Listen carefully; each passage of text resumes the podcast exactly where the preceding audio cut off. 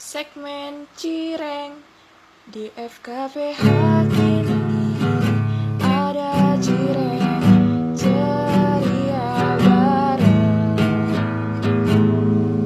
Salam FKPH. Salam FKPH bersama maju dan berprestasi. Hai semuanya, apa kabar nih? Semoga baik-baik aja ya. Jaga kesehatan dan usahakan tetap di rumah aja ya teman-teman. Balik lagi nih sama kita di segmen podcast paling seru bareng Dica dan Kaikian. Halo Kaikian. Halo Dica. Gimana kabarnya nih Kak? Sehat-sehat kan? Alhamdulillah baik nih. Kalau kamu bagaimana? Aku juga alhamdulillah baik Kak. Kan kita lagi libur semester nih Kak. Kakak kesibukannya ngapain aja nih sekarang? Nah, untuk kesibukanku pada akhir-akhir ini di libur semester nih, aku sedang mencoba ikut lomba sih untuk lumayan sih buat nambah prestasi dan menambah waktu juga. Wah, keren banget. Nah, untuk itu kalian nih bagian di rumah harus tetap produktif dan apa pun yang kegiatan yang bernilai positif itu kalian lakuin. Yang penting kalian tuh harus produktif, guys. Nah, bener banget tuh Kak. Malah ini waktu yang pas banget buat nambah-nambah ilmu baru. Oh ya Kak, di podcast kali ini kita bakal ngebahas tentang persiapan dunia perkuliahan untuk mahasiswa baru dan membangun personal branding. Itu sih pasti seru banget ya tentang tema ini ya karena selain persiapan dunia kuli, dunia perkuliahan untuk mahasiswa baru itu juga apa saling berkolaborasi dengan personal branding bagi mahasiswa baru ke depannya. Nah, ya betul tuh ngomongin tentang mahasiswa baru, dulu Kak Ikian gimana sih pas masih jadi mahasiswa baru? Uh, kalau diingat-ingat dunia perkuliahan dan masa SMA itu berbeda ya teman-teman. Jadi waktu maba itu ketemu teman-teman dari seluruh Indonesia dan di mana kita akan bakal tinggal di Malang tanpa keluarga dan dengan teman-teman baru dari seluruh penjuru Indonesia. Iya ya kak, mau gimana pun kita bergantung mau gak mau kita bergantung satu sama lain. Kayak misalnya kita sakit ya pasti yang bantuin itu teman kita juga, ya kan kak? Ya bener banget, bener banget tuh pengalaman dari yang aku waktu masih baru semester satu tuh uh, mau nggak mau kita sakit kan jauh dari keluarga nih. Terus kita calling teman-teman terdekat. Nah kalian juga harus punya teman dekat ketika kalian di Malang besok tuh teman-teman. Nah teman kos emang paling bisa diandalin sih kak kalau jadi anak rantau gitu. Lagi ngomongin kos gini, pasti para mahasiswa baru belum nyari kosan nih gara-gara kuliah online. Kira-kira Kak Ikian ada tips nggak sih buat nyari kosan yang enak gitu? Apa sih kalau untuk cari kos-kosan yang enak tergantung setiap individunya nih. Kalau menurut aku pribadi uh, lebih suka dengan kos-kosan yang lokasinya itu deket banget sama kampus atau kurang lebih uh, bisa jauh dikit lah pokoknya nggak jauh-jauh banget. Kalau jauh banget mah Sumatera ya. Jauh banget dong itu kak. Ya kita harus cari-cari yang deket-deket yaitu jalan jalan Kerto Kertoan itu sama sekitar Tinoyo itu. Nah kita ku kita tuh biasanya cari waktu apa? Kalau kenapa harus cari yang deket? Karena kalau kita kuliah offline takutnya telat. Itu aja sih Iya tuh bener juga sih kak. Daripada bolak-baliknya jauh kan mending nyari kosan yang lebih dekat aja kan kak. Karena aku maba tahun 2020, aku juga belum tahu nih kak buat apa aja yang harus dipersiapkan kalau mau jadi anak kosan. Sebenarnya banyak sih, cuman menurutku yang paling penting itu bagaimana kalian tuh bisa masak sendiri, terus uh, lebih kayak anak-anak mandiri tanpa keluarga independen berdiri sendiri seperti itu. Merapikan baju sendiri bersih bersih kamar sendiri dan lain sebagainya. Kalau untuk daerah kosnya sendiri yang banyak kulinernya itu di mana sih kak?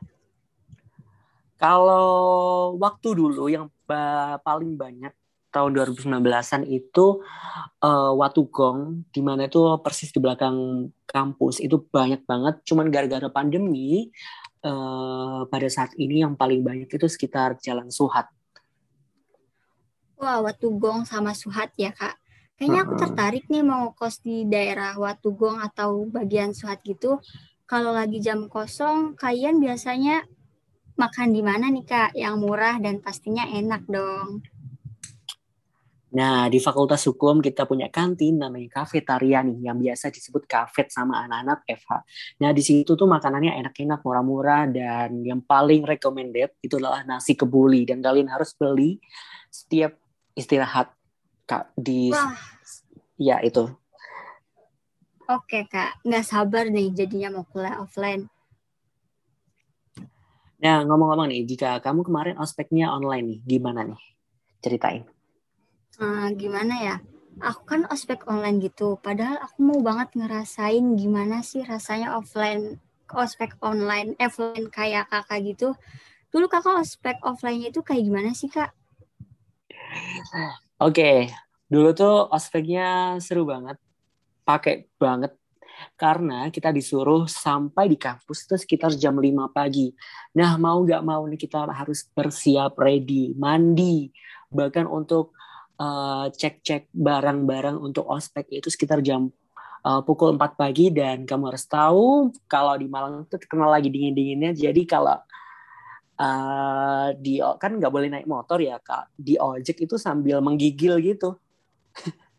Wah, nggak kebayang ya gimana dinginnya mandi jam 4 pagi di Malang. Tapi pastinya asik dong kak ospeknya. Ih asik banget.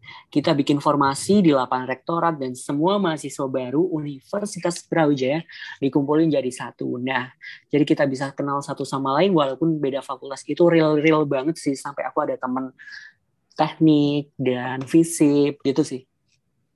Oh, jadi nambah banyak temen juga ya, Kak. Asik banget dong kalau gitu. Bisa nambah relasi pas ospek. Betul. Nah, kalau dari Jika sendiri ini bagaimana sih aspek eh aspek ospek online? Kalau pas aku itu kurang lebih sama aja sih, Kak. Semua mahasiswa baru itu kan dikumpulin jadi satu. Nah, bedanya kalau waktu kakak itu kan offline dikumpulin itu di lapangan. Sedangkan pas angkatanku itu dikumpulinya di Zoom meeting. Pakai breakout room gitu? Enggak, disatuin sat, satu ya satu mahasiswa baru itu satu meeting room gitu, Kak. Oh. Terus dibagi kelompok gitu kan. Nah, dari situ kita bisa kenal satu sama lain. Hmm, gak salah gak salah serunya nih dengan ospek offline dan semoga pandemi cepat selesai biar para mahasiswa baru tahun 2021 ini bisa merasakan ospek offline di kampus. Kalau di kalau Dika itu tugas online-nya seperti apa ya? Kalau os, ospek offline nih tugasnya tuh kayak lebih uh, membuat apa ya dulu membuat mind map terus kita presentasi bareng terus membawa susu kita kumpulin terus kita donasiin susu tersebut. Kalau dari Dika sendiri ospek online dulu disuruh ngapain apa? Uh, tugasnya ngapain sih? Kalau tugasnya itu kayaknya sama deh kayak yang buat mind map terus habis itu tugas buat apa ya? Wow legal draft legal legal apa gitu aku lupa legal drafting atau legal nggak tahu lupa. Intinya kayak gitu cuma kita nggak ngumpulin kayak susu gitu-gitu soalnya kan emang online juga kan kak susah. Hmm. kalau selebihnya sih sama aja. Iya ya semoga pandemi ini cepat selesai gitu ya Diga ya. Supaya kita bisa merasakan kegiatan asli daripada daring. Iya betul banget kak Kalau gitu kan kita udah ngobrolin tentang serba-serbi di sekitar kampus. Terus juga tentang ospek. Nah, sekarang mau agak serius dulu nih Kak topiknya. Apa nih? Apa nih? Apa nih? Ayo coba. Nah, sekarang kita mau ngobrolin gimana sih rasanya kuliah di FHW itu, apa aja yang harus disiap, dipersiapin dulu. Nah, sebelum itu, aku mau nanya ke Kak Ikian. Dulu alasan Kak Ikian memilih untuk berkuliah fakultas hukum itu apa sih dan apa pandangan ke depannya nanti? Oke, jadi pertanyaan pertama tadi, kita sebagai mahasiswa baru apa yang kita persiapkan terlebih dahulu? Yang pertama kita harus menghubungi kakak tingkat, meskipun tidak ada alumni berarti kita harus menghubungi um, apa kontak person di fakultas hukum ketika ada pamflet selamat datang mahasiswa baru. biasanya di situ ada dari divisi advokesma yang menaungi mahasiswa baru mahasiswa baru. Nah yang kedua kita harus mempersiapkan nih untuk semester satu mata kuliahnya seperti apa seperti pengantar ilmu hukum, pengantar hukum Indonesia dan lain sebagainya. Dan mengapa saya memilih di Fakultas Hukum? Ceritanya sangat panjang dan aku akan cerita bahwasannya ketika saya di SMA saya berhadapan dengan permasalahan-permasalahan hukum dan mau nggak mau saya menjadi seseorang yang speak up pada hari itu di mana permasalahan ini adalah permasalahan bullying dan hampir maju ke ke pengadilan pada saat itu cuman dilakukan dengan cara mediasi. Nah, untuk pandangan ke depannya nanti aku harus jadi apa itu kurang tahu entah menjadi hakim, jaksa maupun pengacara yang penting saya mau di Indonesia hukum itu lebih ditegakkan lagi gitu. Keren Kalau kamu ya. bagaimana ya. Rika? Kalau dari uh, kamu bagaimana? Aku gimana ya? Persiapannya itu sebagai maba mungkin kurang lebih sama ya Kak seperti Kaikian Lalu untuk alasannya sendiri, aku sih dari SMA, dari awal SMA gitu, aku kayak udah tertarik membahas mengenai hukum. Nah, terus untuk ke depannya itu, di era yang seperti ini kan ahli hukum itu sangat dibutuhkan kan Kak, baik di bidang konstitusi maupun di berbagai perusahaan. Jadi aku sebisa mungkin apa ya, ngelatih diri untuk semakin meningkatkan kualitas diri aku sendiri biar ya ke depannya makin baik gitu kak. Oh, jadi yang aku tangkap dari Dika ini uh, bahwasanya jurusan hukum ini prospeknya general ya, jadi bisa masuk mana aja gitu ya. Dan uh, iya, itu betul. sih yang aku tangkap. Ya betul banget kak. By the way, boleh dong kak sharing-sharing gimana sih rasanya kuliah di Fakultas Hukum? Kira-kira mata kuliah apa aja nih yang harus dipersiapkan teman-teman maba nanti? Oke, sharing-sharing bagaimana rasanya kuliah di Fakultas Hukum. Tentu kalau kalian terjun di kelas langsung offline itu takutnya lebih parah uh, takut gimana ya? Bukan takut ya, lebih deg-degan gitu loh. Soalnya uh, dosen-dosennya juga beberapa dari praktisi hukum dan teman-teman ada yang lebih pintar dari kita tuh lebih deg-degan lagi kalau apalagi kalau debat-debat gitu kan mengenai mengenai mata kuliah yang kita pelajari pada saat itu. Dan persiapannya ya kalian harus itu lebih banyak membaca dan lebih kritis lagi ketika ketika dalam kelas dan uh, dalam diskusi mana pun gitu. Dan untuk mata kuliah yang harus dipersiapkan teman-teman mahasiswa baru nanti, di mana yang di mana itu di semesterku dulu itu adalah pengantar ilmu hukum itu lebih ke ilmu hukum uh, pengantar ilmu hukum secara general. Dan hmm. yang kedua ada pengantar hukum Indonesia. Itu pengantar hukum lebih ke Indonesia bukan yang general lebih ke Indonesianya. Yang ketiga adalah pendidikan Pancasila dan kewarganegaraan. Itu PKN kalau kalian tahu.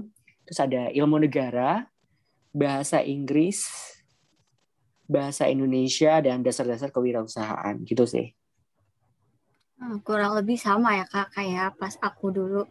Oh ya kak, berhubung sekarang pandemi, kita kan melakukan pembelajaran secara daring ya. Kalau dari Kak Ikian sendiri ada kendala nggak sih selama daring ini? Dan gimana solusi kakak dalam mengatasinya? Main, mana tahu, mana tahu kita punya kendala yang sama nih kak.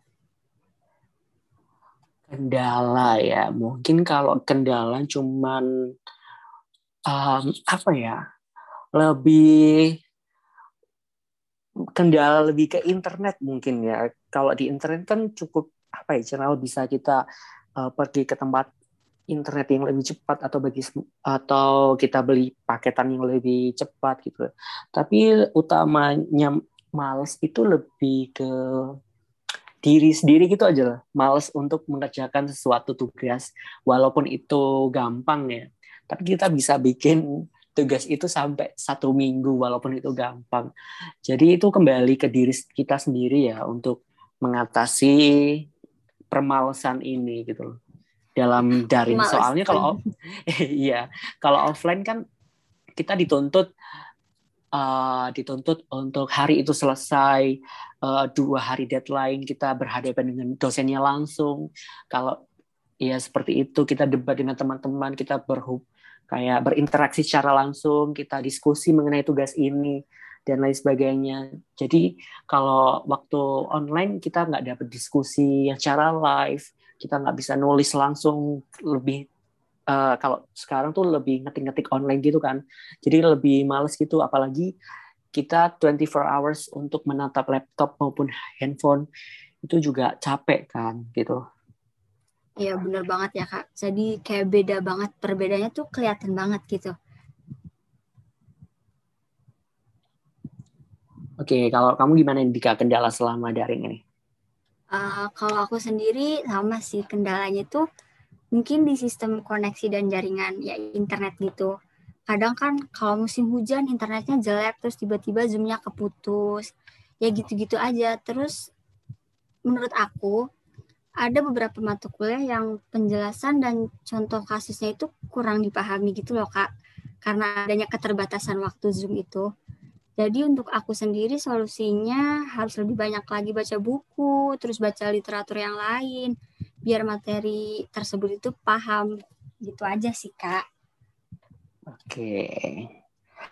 Nah untuk jika nih punya nggak tips untuk teman-teman mahasiswa baru biar dapat nilai yang sangat memuaskan?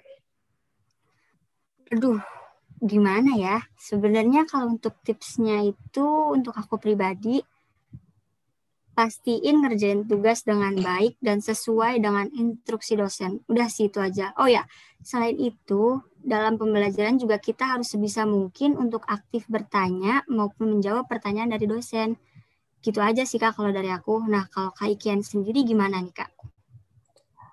Kalau aku sih, aku kerjain maksimal mungkin tugas tersebut sesuai kemampuanku dan kita lihat-lihat dulu nih dosennya bagaimana terlebih dahulu.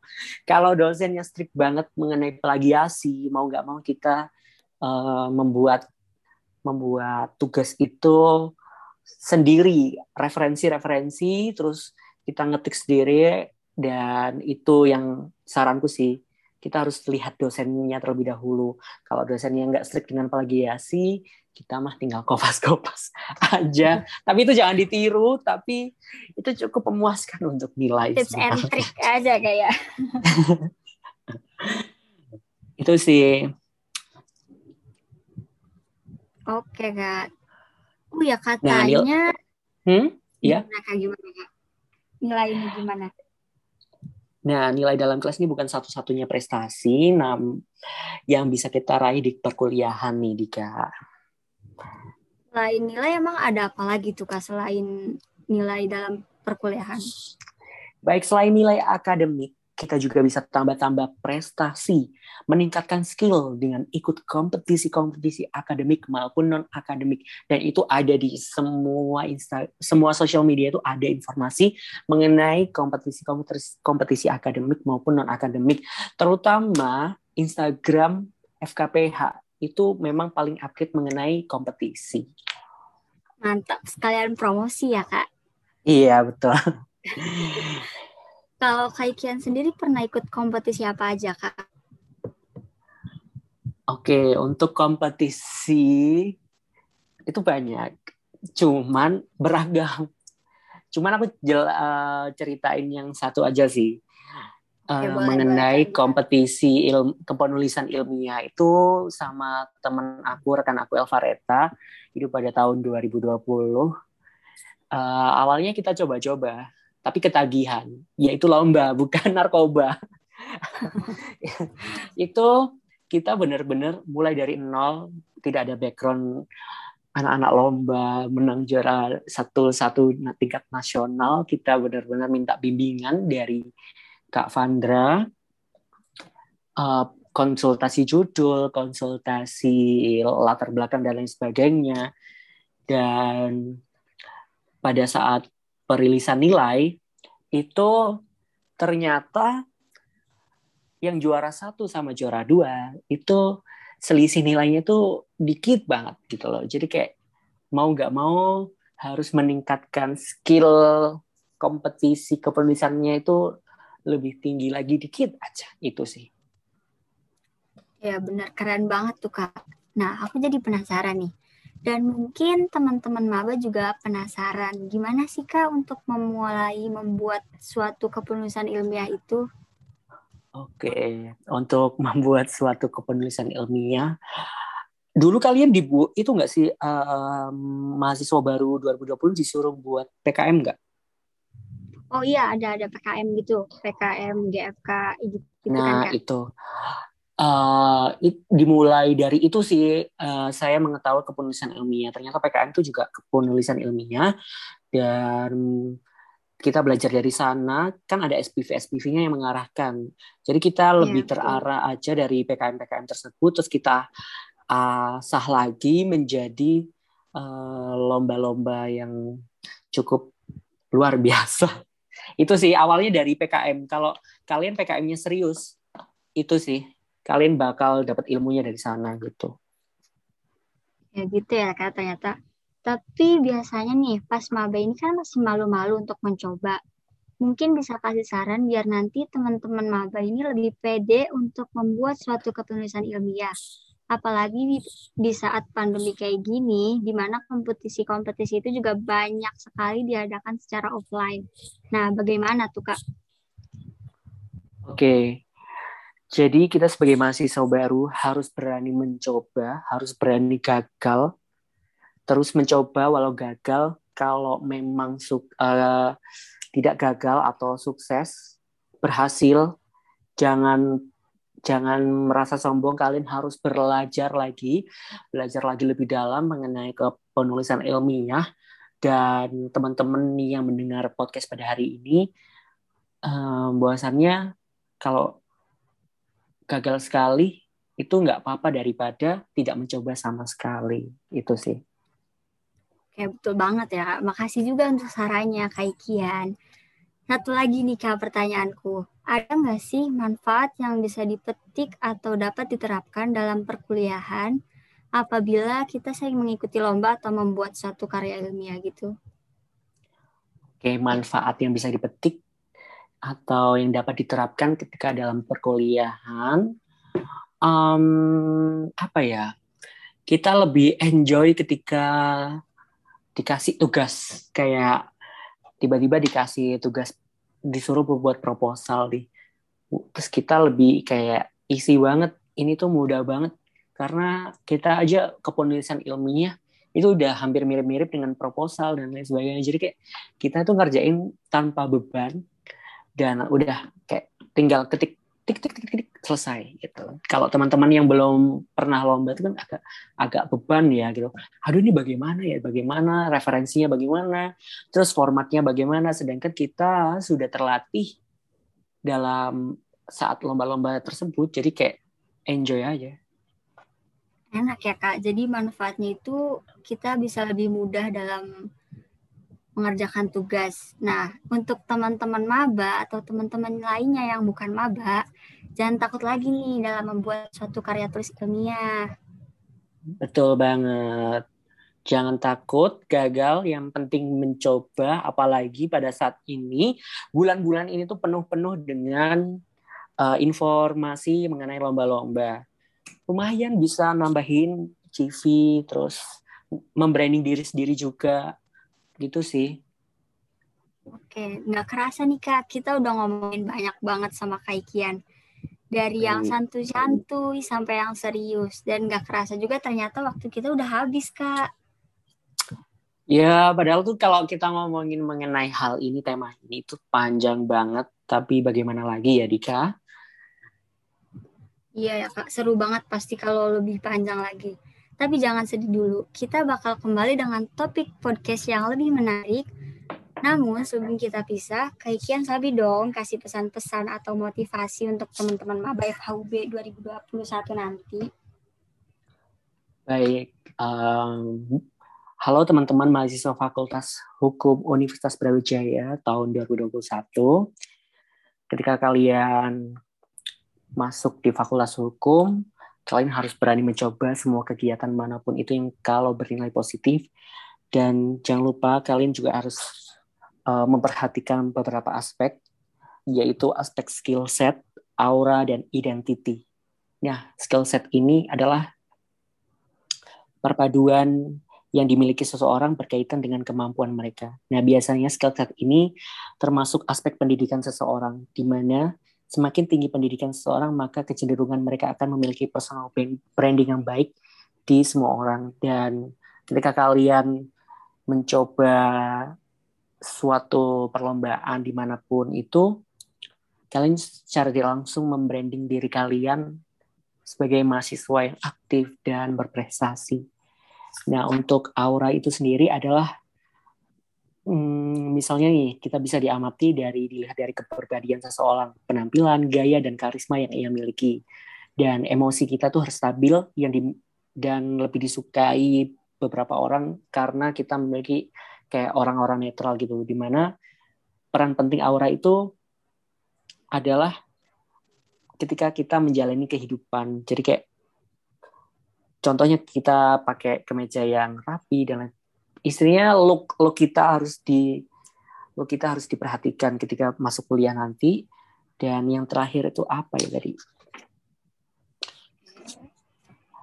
terakhir itu identity. Identity itu bagaimana kita mengidentifikasikan kita ke orang lain agar agar tersampaikan uh, apa yang kita maksud untuk mengikuti lomba-lomba ini. Gitu sih Mantap nih Kak, banyak banget ya motivasi untuk teman-teman Maba FHUB ini. Oke, kalau gitu kita harap segmen kali ini bisa kasih inspirasi atau insight kepada teman-teman sekalian. Kurang lebihnya mohon maaf, aku Dica dan Kak Ikian pamit undur diri dulu. See you next time. Tapi sebelum itu mending kita jargon dulu FKPH bersama maju dan berprestasi.